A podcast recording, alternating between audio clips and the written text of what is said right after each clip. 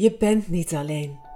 Je bent verbonden met elk deel van dit prachtige leven waarin het goddelijke zich beweegt door jou. Als jou. Jij bent die vonk van leven die zichzelf ervaart in de uitdagingen en mogelijkheden van het leven. Diep in jouw ziel ligt die vonk verborgen, wachtend tot jij hem binnenlaat. Dat is de kracht van een soulvol leven. Deze podcast geeft je de tools om je te openen voor een vrij en authentiek leven. Welkom in Your Soulful Life met Judith Groeneveld. Wat fijn dat je ook weer luistert naar de eerste aflevering van dit nieuwe jaar 2023. En weet je wat nou zo leuk is? De laatste aflevering van 2022 heb ik gemaakt samen met mijn vriendin Maaike. Hi. En ze is er weer. Yay. Hoe dan? nou, dat kan ik je uitleggen. De aflevering die wij samen gemaakt hebben rond de kerstdagen, was vlak na de kerst en vlak voor Oud en Nieuw. Die kwam eigenlijk zomaar spontaan op, omdat we het over bepaalde dingen hadden die ons bezighielden rondom die kerstgedachten, rondom hoe ga je er nou mee het nieuwe jaar in, dat we daar eigenlijk spontaan een podcast over opgenomen hebben. Bij het vuurtje. Echt bij een, bij een open haardvuur en dat was zo, ja, was zo fijn. Niet alleen Mhm. voor ons, maar ik hoorde naderhand echt ook van mensen die dat zo mooi gevonden hadden Ja. om naar te luisteren. Zulke leuke reacties. Tot en met mensen die, die in tranen waren van ontroering over ehm, ja, gewoon de inspiratie die ze daar zelf ook weer uit, uit kregen. En ja, echt hele mooie complimenten gehad over hoe we elkaar aanvullen. En, Ja. en hoe warm en liefdevol het was om naar te luisteren. Dus dank jullie wel ook daarvoor. En ehm, ja, het heeft ons doen besluiten om eh, regelmatig. We gaan ons niet vastleggen op één keer per week of één keer per maand, maar regelmatig zo'n open fire talk. Ja. Leuke naam ervoor. Super fijn. En eh Maaike zeggen, maar hoe doen we dat dan in de zomer? Kampvuur. Ja, dan gaan we gewoon bij een kampvuur zitten en dan is het nog steeds een open fire talk. Eh, voor ons tenminste. Mhm. Ja, dus dat gaan we doen. En we zouden het echt super leuk vinden als, ehm, als je daar ook eh, nou, een soort van bij aanschuift rondom het vuur. En ja, dat kun je eigenlijk heel simpel doen door ons ehm, nou, misschien een onderwerp voor te leggen. Of vragen te stellen. Of eh, iets wat je geïnspireerd heeft. Misschien wil je daar meer over weten. Zo kun je op die manier kun je met ons meedoen. Maar dat gaat zich vanzelf wel eh, laten zien in de loop van de tijd. Want nu deze eerste aflevering, ja, zitten we toch weer bij elkaar. Omdat we het ook hadden over ehm, mijn soulful readings. Ik zal zo uitleggen wat soulful reading is. Maar ik doe eh, sinds een jaar ook soulful readings voor dieren. Mhm. En Maaike heeft een hond Nou ja. Ja. die, eh, nou, mij zo ehm, uitgenodigd heeft eigenlijk om Ja. steeds dieper te leren gaan in dat contact met dieren. Het is niet het enige geweest hoor, want ik wil zo ook nog wel vertellen hoe het, hoe het gekomen is. Mhm. Maar Naya is wel een hele grote katalysator geweest om ehm, mijn soulful readings ook echt voor dieren te gaan doen Ja. omdat eh, daar zoveel mooie momenten zijn geweest. En Mike zoiets had van, nou, dat zou ik zo graag willen delen. Zullen we daar gewoon een aparte podcast van maken? Ja, Ja. leuk toch? Hmm. ja, je hebt me daar echt heel erg in geholpen om Naya te kunnen helpen. Nou, het was ook heel erg bijzonder. Maar ik moet wel zeggen, Naya is ook gewoon een hele bijzondere hond. Ja. Dat, ehm, ik weet niet of dat nou te maken heeft met... Ze komt natuurlijk uit Spanje. Ja. Ik, eh, Zwerfhond is, maar ze heeft eh, ogen waar je echt in kunt verdwijnen. Ja, maar zij wil ook heel graag communiceren op dat gebied, op dat niveau. En ik kan haar dat niet altijd geven. Ik probeer, probeer het wel steeds meer. Maar je ziet echt, ze kijkt naar je en je, je ziet echt dat ze iets probeert te zenden of contact probeert te maken. En volgens mij mist ze dat heel erg vanuit de roedel of zo, waar ze, waar ze wel op zo'n manier kan communiceren. Ja, dat is het mooie. En dan kun je misschien even terug naar het begin. Dat, eh, dat, ja, ik noem dat dan een veld. Er zijn meer mensen die het zo noemen. Je- kunt het ook een ruimte noemen. Maar een veld is ietsje afgebakender. Wat ik, ehm, wat ik merkte is toen ik naar Frankrijk ging in 2012. Toen kwam ik op een grote paardenfarm terecht. Waar ontzettend veel paarden en koeien en schapen en nou weet ik het wat allemaal op een veel te kleine ruimte leefden. En nou, los even van het verhaal dat dat gewoon niet zo tof was, heb ik daardoor wel de stap durven zetten, omdat ik zag dat die paarden het gewoon niet, niet zo goed hadden. En ik was bang voor paarden, kan je nagaan. Ja, oh ja. Toen, Ja. toen was ik bang voor paarden nog heb ik wel de stap gezet om contact met ze te maken. Er waren er paarden die soms ziek op de grond lagen en het gewoon niet goed hadden en waar ik dan bij ging zitten. Ja. En waar ik ook maar gewoon heen instapte van, joh, weet je, ik ben eigenlijk bang voor paarden, maar ik zie dat je het niet goed hebt. Ik wil bij je zijn. Mm. En dat was altijd al het moment dat ik voelde dat er iets gebeurde waardoor ze me toe konden laten. Want ik zag ook dat mensen die bang waren, dat vinden paarden ook heel lastig. Ja. En ik zat toen zelf ook niet lekker in mijn vel. Ik bleek ziek te zijn en eh, ik had heel erg ijzertekort, dus ik was doodmoe. En ik weet dat ik daar midden in de winter ben ik daar een keer in het veld bij die paarden gaan zitten die niet toenaderbaar waren hoor, want die waren echt gewoon wild. En ik vond ze zo fascinerend. En ik voelde me helemaal niet goed, dus ik ben daar in de sneeuw eigenlijk op een, op een boomstronk gaan zitten. En een van die paarden, een hengst, die kwam naar me toe, heel voorzichtig. En het moment eigenlijk dat ik in zijn ogen keek, voelde ik hoe hun veld zich voor mij opende. En toen was het niet alleen die hengst waar ik contact mee had, maar die hele kudde. Ik was in hun veld van ervaren. Dat was zo bijzonder. Ik voelde hoe die kudde daarachter stond en ehm, hoe zij gefocust waren. Niet alleen op het eten wat ze aan het zoeken waren hè, onder die sneeuw, maar ook op wat er om hun heen gebeurde. Ik voelde dat ze verbonden waren met, nou ja, zeg maar die ruimte om zich heen, waardoor ze ook alert waren op gevaar, op mogelijk mensen of dieren die, nou weet je, ik voelde dat veld en dat was ruimte. En weet je, bijna elke siddering die door die kudde ging, die kon ik voelen. En die hengst die kwam bij me en, en ik keek hem aan. Hij kwam echt heel erg dichtbij. Ik heb toen ja, eigenlijk voor het eerst ervaren wat het is om opgenomen te worden in de ruimte van het ervaren van zo'n kudde. En ik denk ook het dier zelf, hè, het, eh, aan zich het paard zijn. Mhm. Wat ik later ervaarde was dat eh, elk dier heeft zijn eigen ervaringswereld waar dat soort dier, en dat kan een paard zijn, kan een schaap zijn, het kon zelfs een vlinder zijn, heb ik ontdekt, ehm, met elkaar verbonden is. Ja. Dus zij delen zeg maar een soort van de ervaringen en zij communiceren daar ook met elkaar, natuurlijk allemaal op energielevel. Ja. Maar ik kon die energie voelen en ik kon hem vertalen ook Mhm. nou, echt, er ging zo'n wereld voor me open. En hij was op zich was die niet vreemd. Want eh, als kind, weet ik nu achteraf, deed ik dat ook al met elke muis en elke pad die ik op straat tegenkwam. Maar toen, ehm, ja, toen begreep ik dat ik uitgenodigd was om deel te nemen aan die wereld. Ja, ik kan je niet vertellen hoe bijzonder dat was. En op een gegeven moment toen, toen maakte hij een beweging en ik schrok. Dus ik ging heel abrupt staan. En hij stampte met zijn, met zijn hoef op de grond. En zo die hele kudde, die, dat, dat was een golfbeweging die door die kudde ging. En ik voelde hoe ze in een, in een fractie van een seconde hun vluchtroute al hadden bepaald. En, en daar gingen ze. En hij draaide zich om en ging er achteraan. En ja, hij liet mij achter in zo'n gevoel van verbinding. Dat hoe ziek ik ook was op dat moment. Ik was natuurlijk bang van, jeetje, hè, toch een beetje die angst voor doodgaan komt er dan. Hè. Zo moe en zo ziek voelde ik me. En op dat moment verdween dat gewoon. Dan wist ik van, al, al ga ik nu op dit moment dood, dan is alles goed. Mhm. Weet je, er was niet meer zoiets als ziekte en dood. Er was alleen nog maar dat, dat ervaren.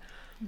Ja, ik vond dat zo'n mooi cadeau. En dat is echt mijn begin geweest. Ik ben toen vanaf daar nog in veel meer kuddes en met paarden bezig gegaan. Ehm, zij hebben mij op Ja, deze je angst manier... voor paarden is ook afgenomen. Ja, die, die nam af. Beetje Ja. bij beetje natuurlijk. Ja.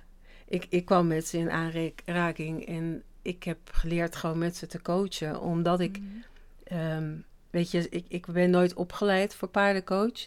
Maar ik heb de beste leermeesters gehad. Paarden want zelf. Ja. Ik, ja, ik ging gewoon in de wijs zitten. Ook op de plek waar ik later ging werken, op een vakantiecentrum. Ik ging in de wijs zitten en ze communiceerden gewoon via mij. Ik stemde me af en Ze lieten me gewoon voelen wat er was. En als er dan iemand bij kwam, dan stemden ze op die persoon af en lieten mij voelen wat er in die energie gebeurde bij die persoon. En ze lieten, soms voerden ze een heel toneelstukje op. Dat ik dacht, wow, ik kan hier precies vertellen wat er bij deze mens gebeurt. En het was altijd spot on. Het klopte Mm. gewoon. Ja. En ze lieten mij gewoon voelen wat er gebeurde in die energie door, door met mij hun taal te communiceren en me op te nemen in hun veld. Ja, ik heb, ik heb sessies mogen geven aan, aan mensen. Weet je, als, als het centrum vol zat en ik had er één gedaan, mensen hadden dan zoiets van, nou, ik ga niet met paarden in de wei. Mhm. En ik had één sessie gedaan en ze wilden allemaal om het te ervaren. Ik ben zo ongelooflijk dankbaar dat ik dat heb mogen leren. Maar dat vind ik zo mooi bij jou, dat het is niet een trucje wat je geleerd hebt van eh, een, een paardencoachopleiding of zo. Of als een paard dit doet, dan betekent het dat. En.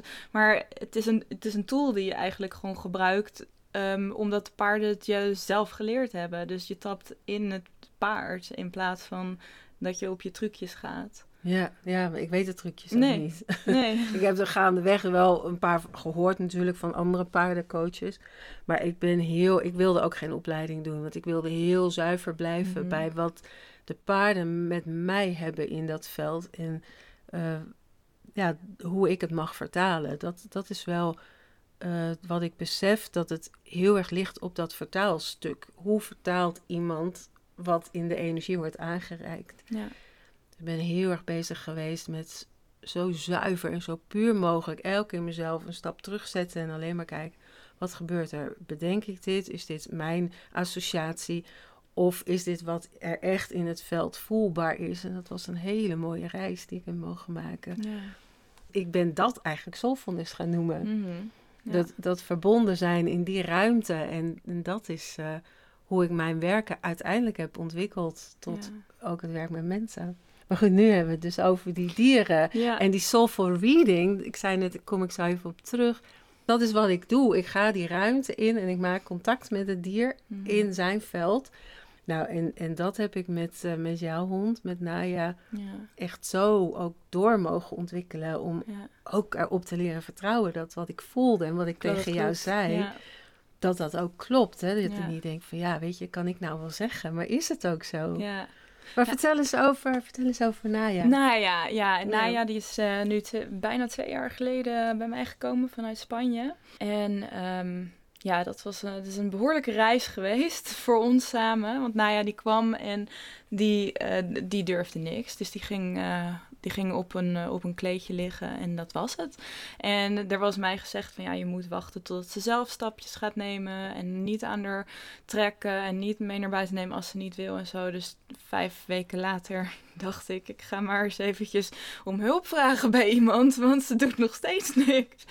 Nee, dat was heel heftig en ik kon haar... Maar als ook niet in uitlaten, hè? En ze heeft op kranten geplast. Ja. Of, weet je, soms plaste ze of poepte ze 24 uur of langer niet. En dan moest ze, en dan, ging, dan had ik een krant neergelegd en dan ging ze daar wel op. Maar ik zag dat ze daar ontzettend ongelukkig van werd. Maar ze deed, eh, ze deed verder niks. En ik kon haar niet lokken met eten. En ze was alleen maar ongelukkig. En ze lag zo depressief te zijn dat ik er zelf ook helemaal sip van werd.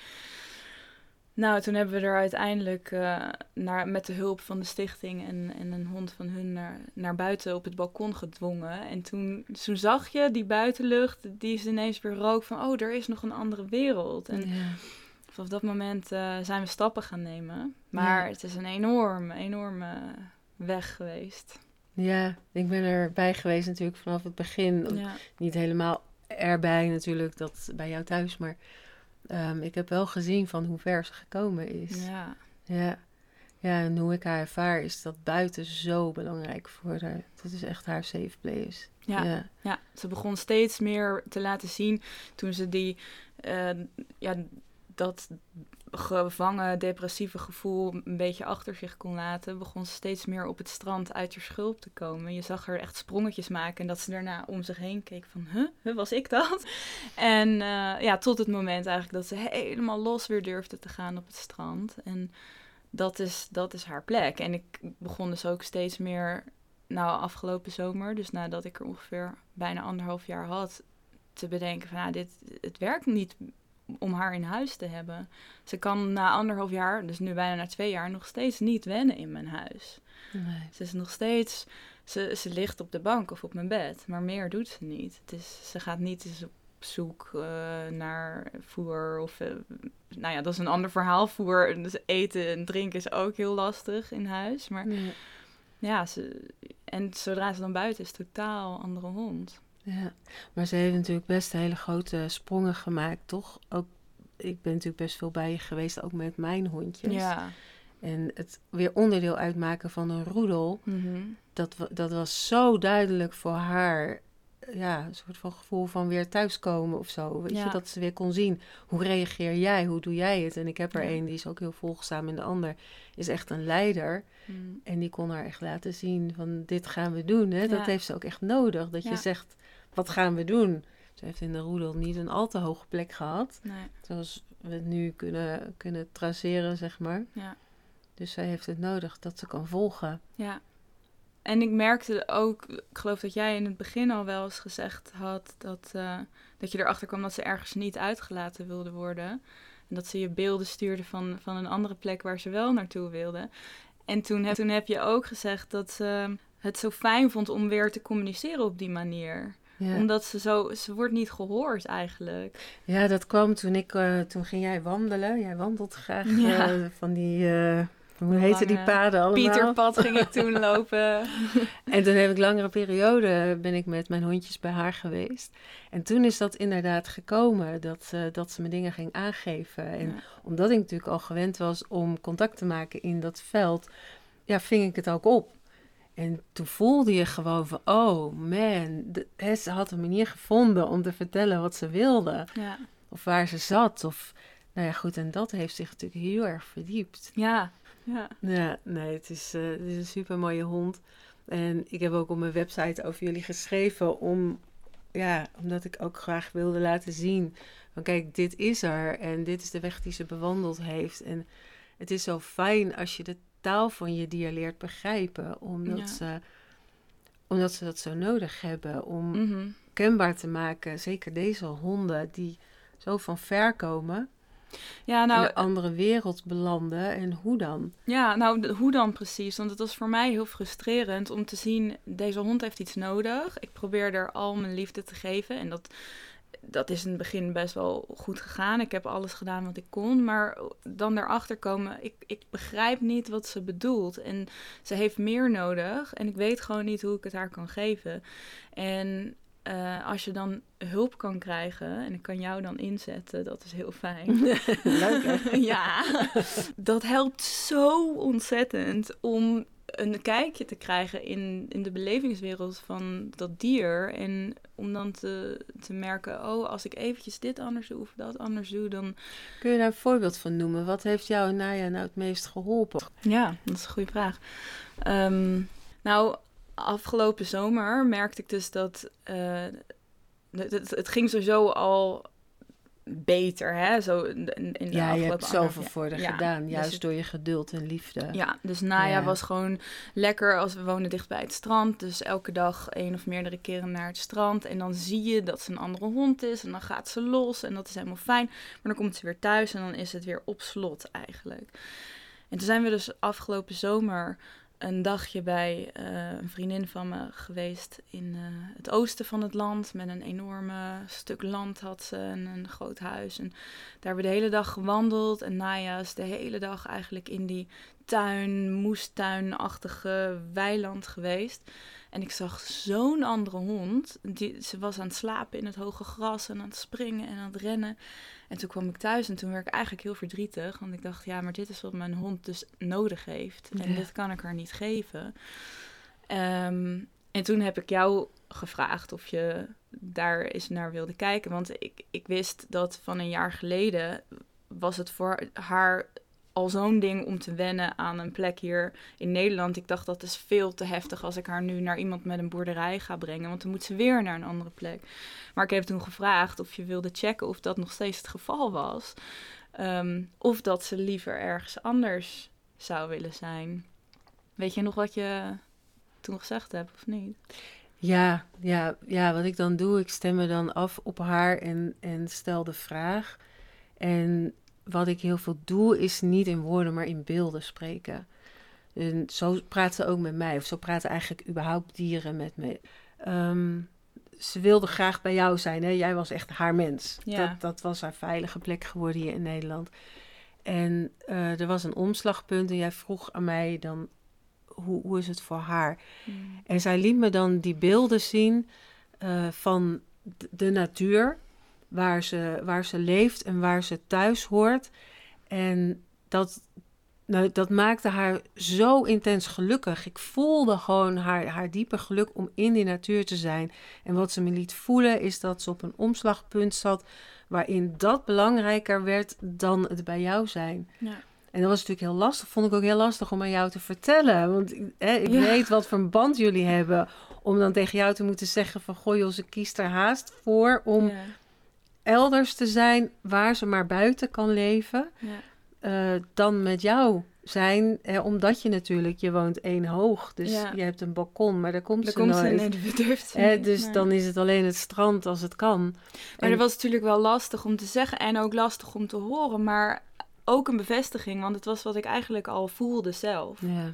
Dus aan de andere kant ook niet, ja, het, is een verdrietige gedachte, maar ik had ook zoiets van, ja, ik, ik, dit is het wat ik herken, dit is, Ja. dit is wat ik zie gebeuren. Maar er gebeurde nog wat. Want jij ging in die tijd ook nog eens twee rode rakkers in huis halen. Ja, ja, nou ja, inderdaad, want mijn, mijn kat was overleden. En ze had het altijd heel goed gedaan met Tommy, mijn kat. En een maand later had ik twee eh, kittens van, nou, een maand of vijf. Ze waren geen echte baby's.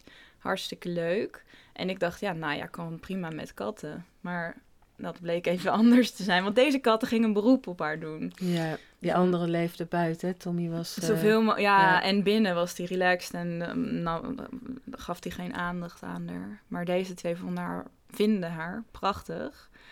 En eh, liggen het liefst bij haar. En ze weet niet wat ze daarmee moet. Dus dat was er ook. Dus ze begon het steeds moeilijker te vinden in huis eigenlijk.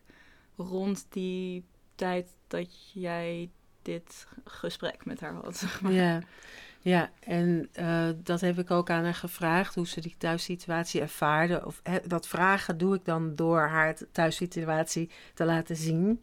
En hoe dat voor haar is. En wat zij aangaf was dat ze de katjes zag in hun thuisomgeving. En zich een soort van realiseerde, eh, dat is, dit is hun thuis. Zij voelen zich hier thuis. En hoe meer ze ervaarde dat die katjes zich daar thuis voelden, hoe minder thuis zij zich er voelden. Want ehm, die katjes die hadden natuurlijk alles daar, hun eten, hun, hun zo'n kattenbak, dus ze hoefden ook nergens heen. En, en voor haar, ze besefte zo, nee, ik hoor buiten thuis. Ja, Dat is mijn plek. ja. En, en dat was eigenlijk het eerste wat ze, wat ze ging aangeven. Mhm. Maar dat verdiepte zich natuurlijk nog. Want eh, die katjes die, die werden steeds spontaner en steeds meer betrokken bij het gezin, zeg maar. Ja. En die vonden haar super, super tof. ja. Dus die, die besprongen haar ook. En, eh, en, en ze sliepen lekker bij jou. Nou, op een gegeven moment wilde ze inderdaad ook bij me komen slapen. En ik sliep normaal gesproken met Naya op eh, mijn kamer.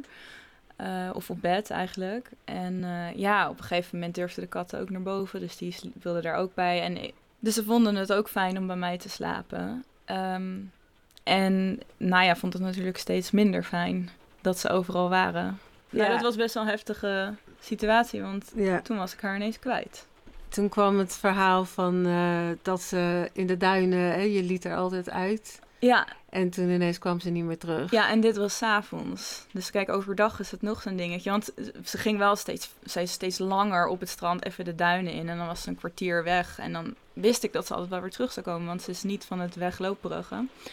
Maar dit was dus s'nachts of 's avonds. Het was donker. Ik had er lichtband om. En ik had haar nog even losgelaten. Want dat vindt ze gewoon fijner om uitgelaten te worden. En toen eh, keek ik om en toen dacht ik, ze is weg.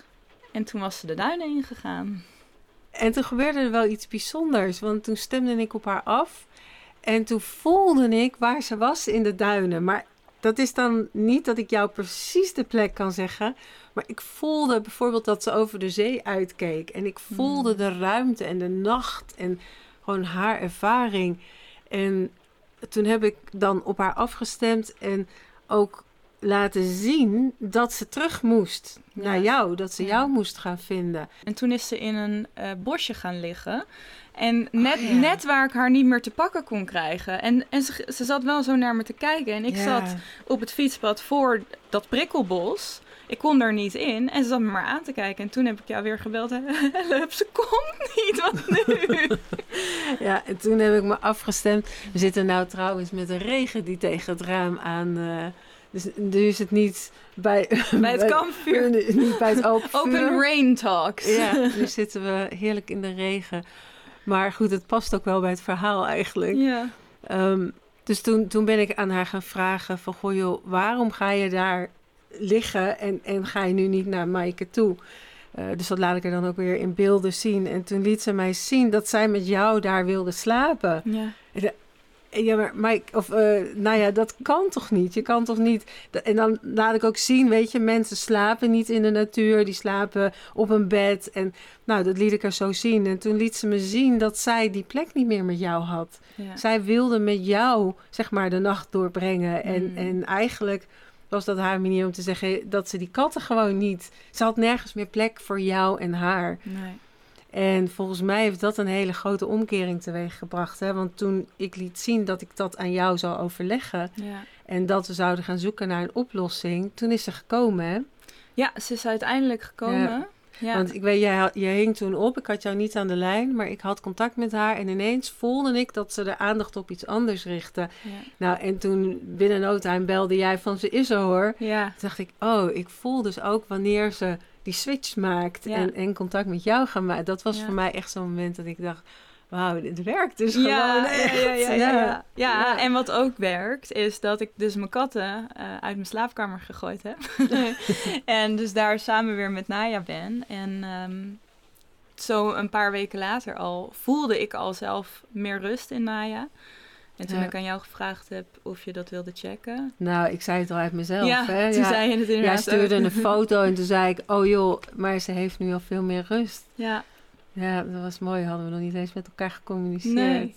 Toen voelden we het al. ja, Ja, nou ja, zo. eh, ze hangt nog steeds een beetje op een randje. Ze vindt Ja. het ehm, nog steeds wel lastig.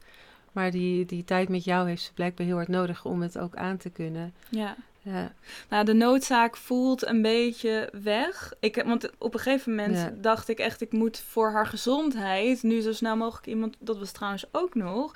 Jij hebt toen, eh, toen ze niet wilde eten, toen ik met haar Oh, aan ja. het wandelen was, toen eh, was ik dus samen met haar een stuk aan het wandelen. Ja, een paar dagen ook. ja, hè? ja. want Pieterpad had ik alleen gedaan, want dat kon ze nog niet aan toen. Maar ik dacht, nu ga ik samen.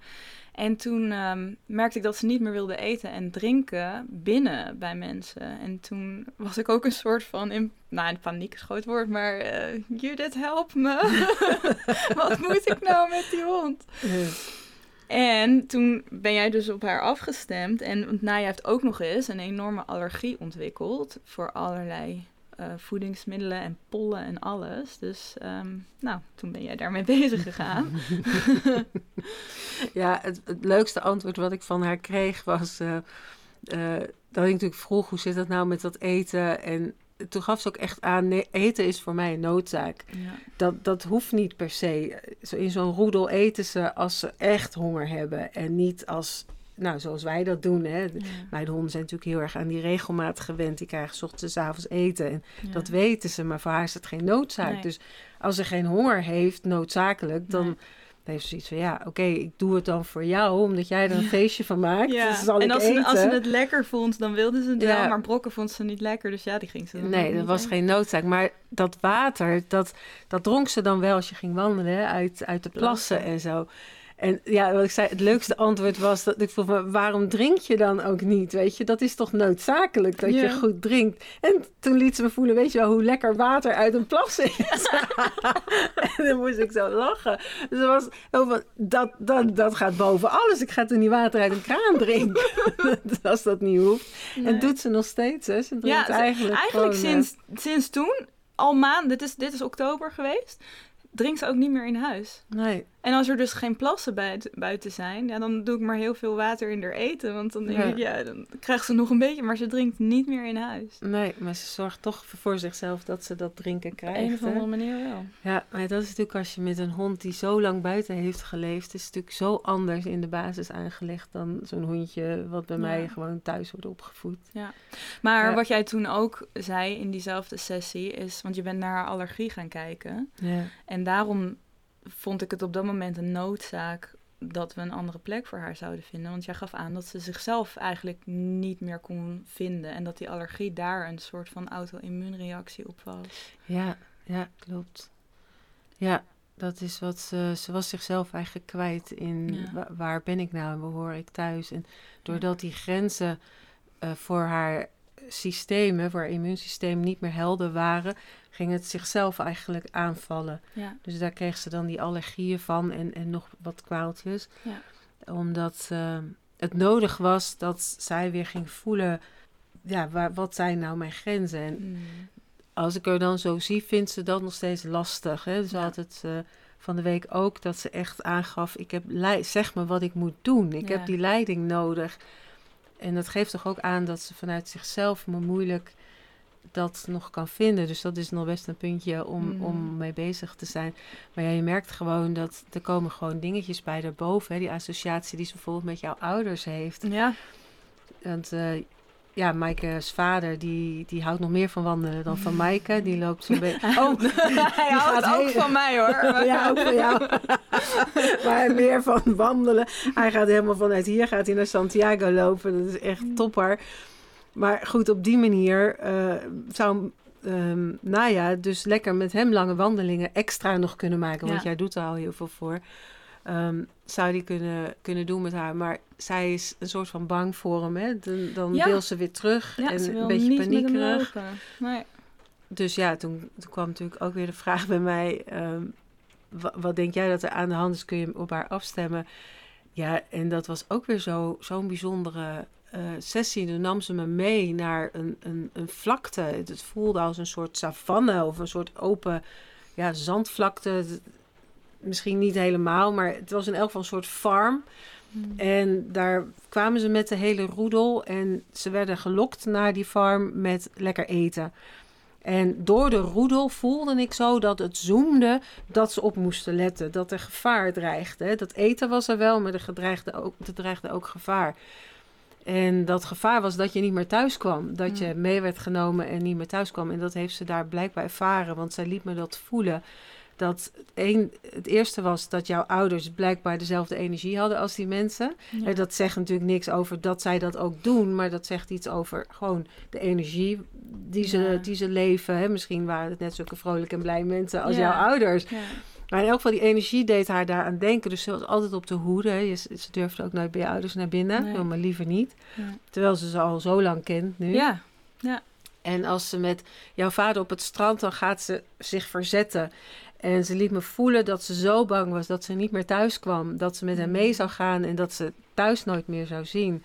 Dus dan, toen heb ik haar beelden gestuurd dat hij zo graag met haar wil wandelen. En dan liet ik haar dat wandelen voelen. En dat hij haar weer over het strand heen terug naar de auto. En met de auto Mm. weer terug naar huis. Dat hij haar altijd thuis brengt. En ik voelde dat ze iets niet begreep in die situatie. En toen heb ik haar laten voelen. En dat, ja, ook weer zo'n leuke situatie eigenlijk. Heb ik haar laten voelen dat jij eh, het kind was, zeg maar, van, van deze twee mensen. Dus Ja. dat jullie een soort van bij elkaar. En toen, voelde, toen liet ze me een beeld zien van, van haar met puppen. En toen zei ik, ja, Maaike is... is eh, Een pupje. is een pup. dus toen ik natuurlijk het aan jou ging vertellen, toen zei ik, ja, ik heb te laten zien dat jij, Anneke, zo heet je moeder, dat je Anneke's pup bent. nou ja, jij kwam niet meer bij. Dat is natuurlijk ook zo'n leuk beeld. Maar dat is natuurlijk de vertaling van mij. Hè. Zij zegt tegen, niet tegen mij, Nee, jij bent een pup. tuurlijk. Zij laat gewoon haar pupjes zien Ja. als in van...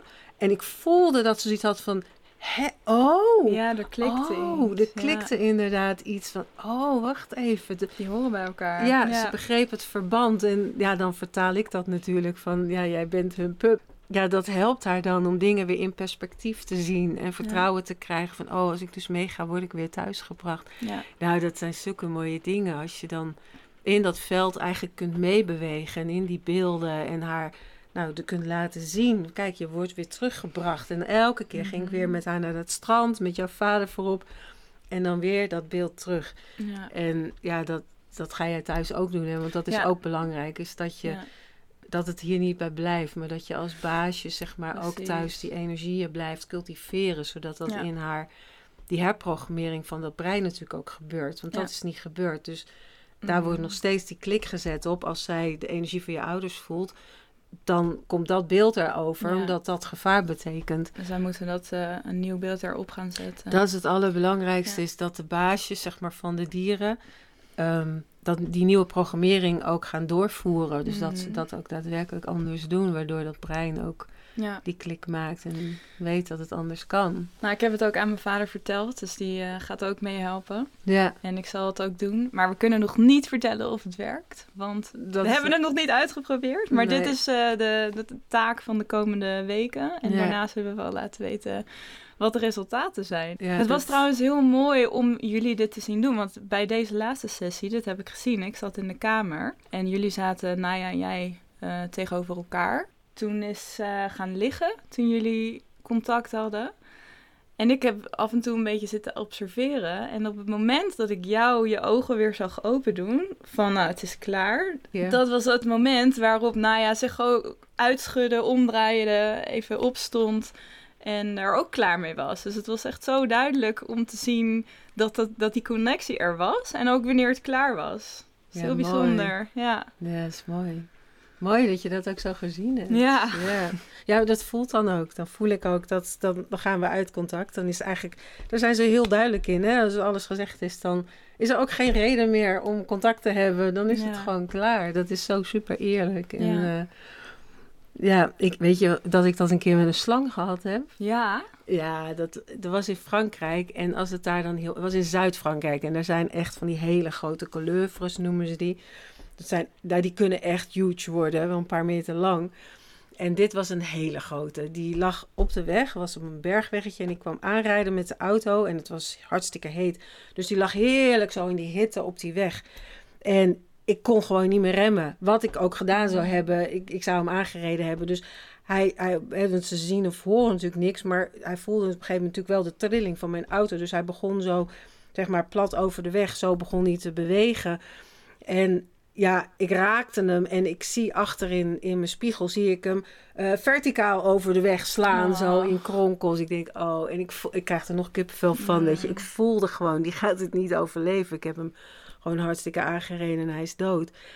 En toen heb ik het zelf eigenlijk in een spontaan gebeurde het, heb ik me verbonden met hem en, en zijn ruimte. Maar nou, zo bang als ik voor paarden was, voor slangen ben ik nog honderd keer banger. Echt, ja, banger, ja. dat, is, dat is echt erg. Dus om dan ook met hun wereld te verbinden, vond ik echt ook heel spannend op Ja. een of andere manier. Want ik was ook bang, ja, als ik me nou met jullie verbind, straks krijg ik allemaal slangen op mijn dag. Daar heb ik niet zoveel zin in.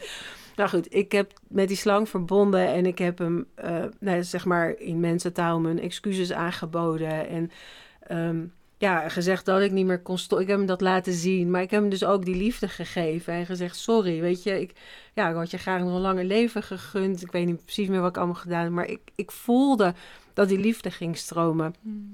En de plek waar ik was, eh, daar was een, eh, een pff, wat was het ook weer voor een boom, een of andere fruitboom. En daar keek ik zo vanuit mijn raam zo eh, bovenuit. En toen op een ochtend, toen keek ik uit mijn raam en toen kwam er uit die vruchtenboom een slang met zijn kop zo vlak voor mijn gezicht. Alleen het raam zat er nog tussen. Oh, oh my, oh, wetende dat die slang daar zit, hoe kan ik nog een nacht goed slapen? En toen moest ik dus ineens denken aan dat ik contact had gemaakt met die slang. En toen heb ik contact gemaakt met die slang en heb gezegd, weet je, ik ben zo bang voor jullie, maar ik wil ook jullie in liefde benaderen, maar ik zou het zo fijn vinden om geen contact met jullie te hebben, om jullie niet te hoeven ontmoeten. Ja. En ik voelde dat die, dat die energie van die slangen, ja, het klinkt haast de idioot, maar ik voelde dat dat begrepen werd. En dat eigenlijk dan zeg maar in die energie van al die slangen, dat ook direct bij alle slangen helder was. En die slang, die zag ik zo achteruit gaan, die, die, uh, die struiken in. En ik heb natuurlijk de, de weken daarna heel goed opgelet. Ik heb eigenlijk sindsdien nooit meer zo'n slang gezien. Nee. Gewoon, ik, en daar mijn angst ervoor is ook minder geworden. Omdat ik nu weet dat ik een soort beroep op ze kan doen en die vraag kan stellen. Maar ik was zo flabbergasted dat eerst zag ik ze dus en was ik er bang voor. En nu kwamen ze gewoon niet meer op mijn pad. En op een gegeven moment ging ik daar dus ook echt op vertrouwen. En ik heb toen hetzelfde heb ik met teken gedaan. Ja, dat klinkt helemaal idioot. Daar heb ik op een gegeven moment zat ik ook onder de teken en de paarden en de honden. En het is gewoon natuurlijk rottig daarin. Ik leefde natuurlijk heel veel in het veld. Ja. Dus altijd onder de teken, die zaten werkelijk overal. En toen dacht ik, maar wat ik met slang kan, kan ik toch ook met een teek? Ja. Let's try. Ja. Dus ik heb afgesproken dat ik nooit meer, dat er nooit meer teken uh, in mij zouden kruipen. En als ze op mij terechtkwamen, dat ze me dat zouden laten voelen. En dat gebeurde ook echt. Dan zat ik soms en dan voelde ik ze, kon ik ze zo pakken en wegdoen. Wow. En ik heb echt, nou ja, het is gewoon geen lul. Ik sta er zelf ook verbaasd van nooit meer een teek in mij gehad. ja, geweldig. Ja, ja dat, dat is. Je kan natuurlijk van een groot dier kan je dit verwachten. Maar ehm, van, van zo'n klein diertje, dan denk je dan van ja. De enige waar het me niet meer lukt is met muggen. Met vliegen wel. Daar kan ik me mee verbinden. Die kan ik het raam, die kan ik wijzen waar het raam is. En de vliegen zou echt, echt het raam uit. Dat is geen grap. Behalve een mug. Die krijg ik niet zo ver. Ah, jammer. Dat, is dat zo zou nou zo handig zijn, hè? dat is zo geniepig. Hey, maar vertel even dat verhaal over die vlinder. Oh, de vlinder. Ach, wat was dat mooi. Ja, die vond ik op een dag, uh, was ook in Frankrijk. Die zat op, uh, op, uh, op de oprit. Er was een hele mooie koninginnenpage. Mm. En die zag ik zitten. En ik ging daarbij zitten, want die wou ik wel van dichtbij zien.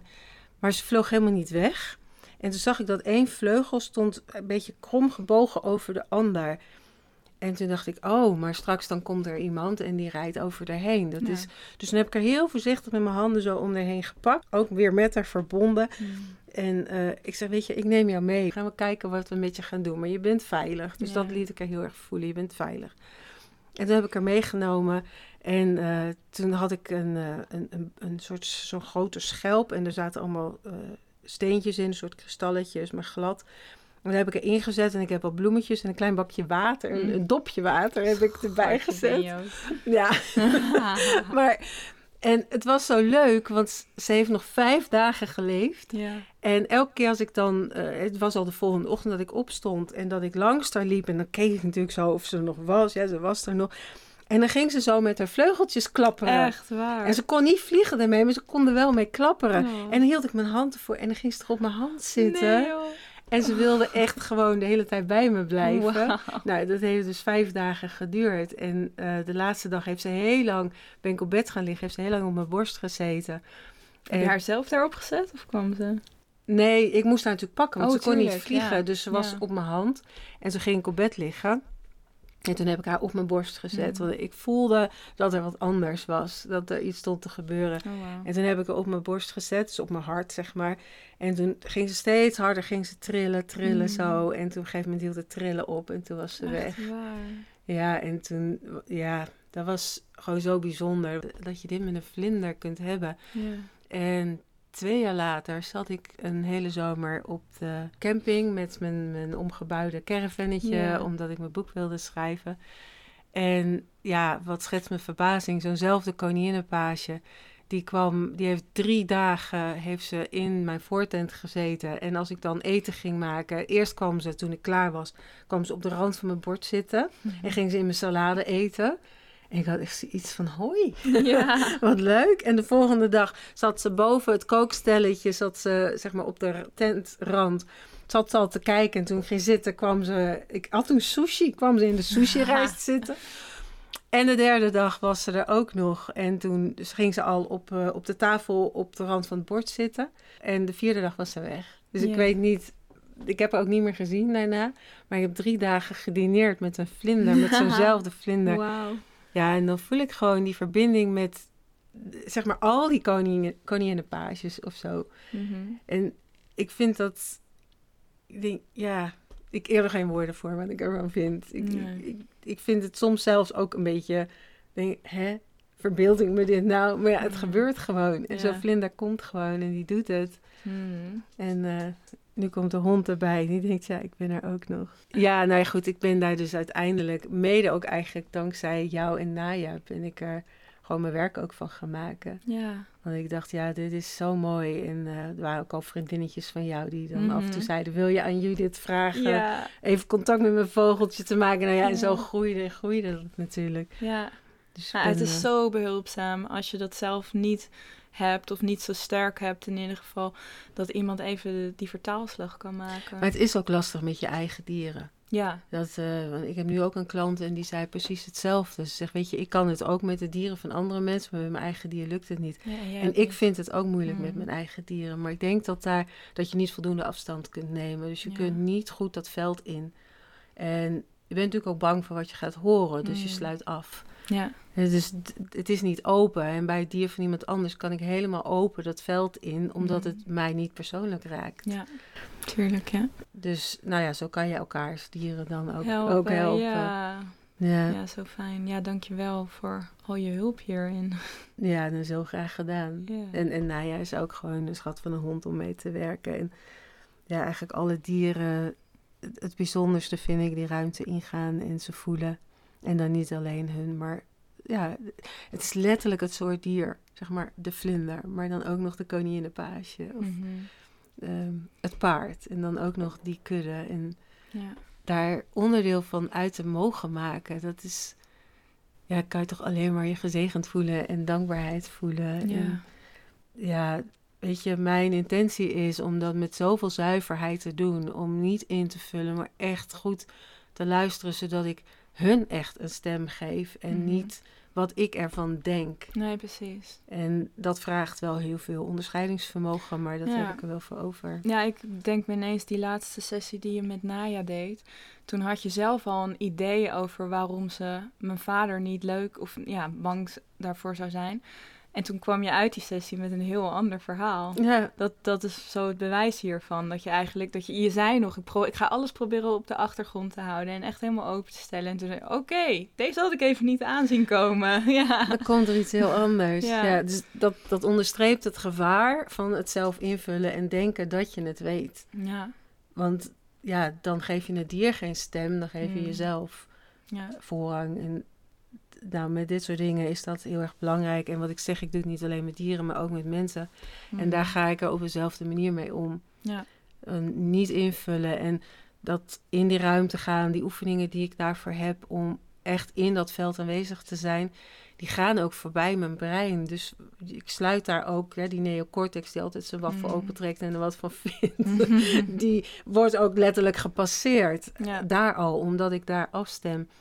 Dus ja, dat, eh, en dan moet je natuurlijk zorgen dat je dat in stand houdt tijdens. Maar Mhm. dat gaat me op een moment zo goed af dat dat eigenlijk... eh, vroeger moest ik veel vaker nog even terugschakelen. ja. En in de loop van de jaren is dat... eh, weet ik het als ik het doe. Ik ben dankbaar, eigenlijk heel erg dankbaar dat ik dit werk mag doen. En ik vond het ook superleuk om, om met jou daar een podcast over te maken. ja. En dankjewel dat je dit zo wilde delen. Ja, nou ja, dank jij wel. Nou ja, lieve luisteraar, als je denkt van goh, ik, ehm, ik, ik zou er graag wat meer van willen weten. Of, of ik heb een dier waarvan ik zou willen leren begrijpen wat hij bedoelt of waar hij mee zit. Echt zijn taal willen leren begrijpen. Ja, nou ja, ik, ik help je daar ontzettend graag mee. Dus laat het me dan Mhm. vooral weten. Je kan me altijd een berichtje sturen via mijn website uh, judithgroeneveld.com slash podcast. En dan mag je me een berichtje sturen met al je vragen. Voel je welkom. Nou, Maaike, eh, ik zie jou weer terug bij een uh, Open Fire Talk, hoop ik. Yes, ik vind het heel weten. fijn om, om dit met je te doen. Ja, ik ook. En uh, ik denk dat de volgende podcast wordt weer een heerlijke, nu we het er toch steeds zo over hebben, zo'n open space sessie. Waarin je zelf ook even kunt ervaren hoe het is om die ruimte mee ingenomen te worden. En dan weet ik wel, dat leer je niet in één sessie, maar je kunt toch even, hè, zeker als je daar gevoelig voor bent, daarin meereizen en, uh, en voelen waar het over gaat. Ja, Dus ja, dankjewel. tof. Wil je geen aflevering meer missen? Abonneer je dan op deze podcast Your Soulful Life. Het is mijn missie om zoveel mogelijk informatie te delen over de multidimensionale wereld waarin we leven en jouw power en flow om je daarin te bewegen. Je kunt me helpen om meer mensen te inspireren door een review achter te laten via je podcast-app. Je mag de podcast delen met iedereen die het nodig heeft. Heb je suggesties, vragen of wil je delen wat deze podcast met jou gedaan heeft? Stuur me dan een berichtje via mijn website judithgroeneveld.com. Je kunt me ook vinden op Facebook onder Soulfulness Trainingen of via Instagram Judith Groeneveld underscore Academy. And always remember, it's your soulful life.